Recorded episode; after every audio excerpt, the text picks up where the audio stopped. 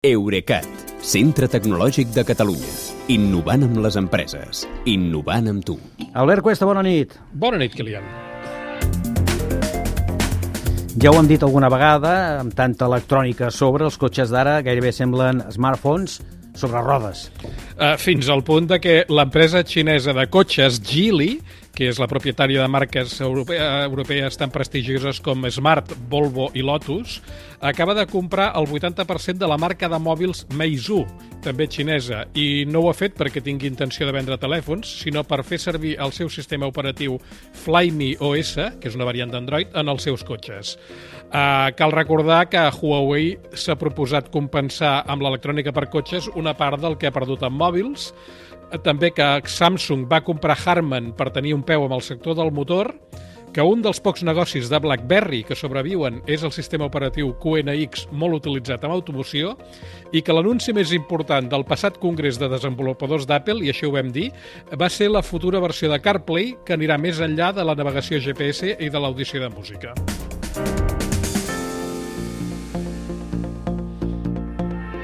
I a la portada ens deies que la digitalització dels cotxes ja es veu en casos com els de la BMW, que cobra als propietaris de cotxes una quota per fer servir algunes funcions. Sí, com et deia, eh, en alguns països. Per exemple, cobra 10 euros mensuals per l'assistent de llums llargues, 18 euros al mes per encendre el calefactor dels seients o 35 euros per, per, per tenir control automàtic de creuer.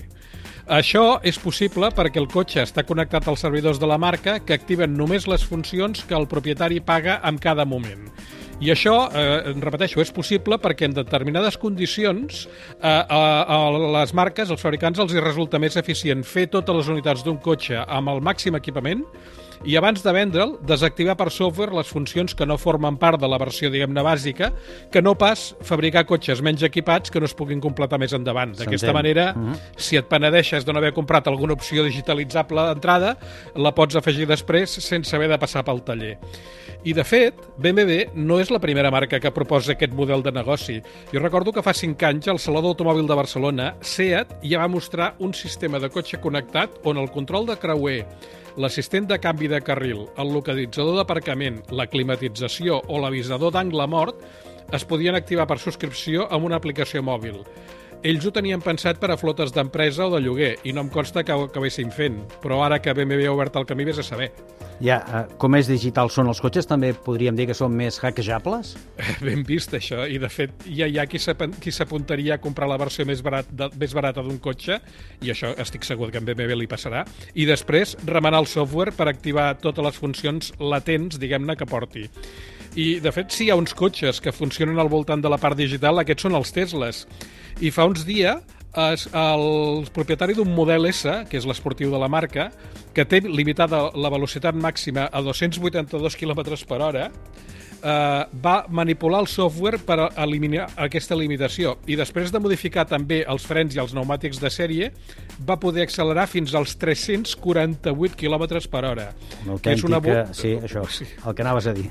Una borrada sí, sí. que només va, poder compro... només va poder comprovar llogant la pista d'un aeroport, com es veu en un vídeo que trobareu a la xarxa. Tot sigui tunejar digitalment el teu propi cotxe sense posar en perill ningú més. Eh? El problema serà quan els ciberdelinqüents ens comencin a hackejar els nostres cotxes per fer-hi coses no tan positives, diguem-ne. Sí, i em sap greu dir-te que aquest model no està tan lluny perquè hi ha investigadors en ciberseguretat que ja han aconseguit provar això de hackejar cotxes aliens. Doncs mira, ja comencem a tremolar. Que vagi bé i fins demà. Fins demà, Kilian Bona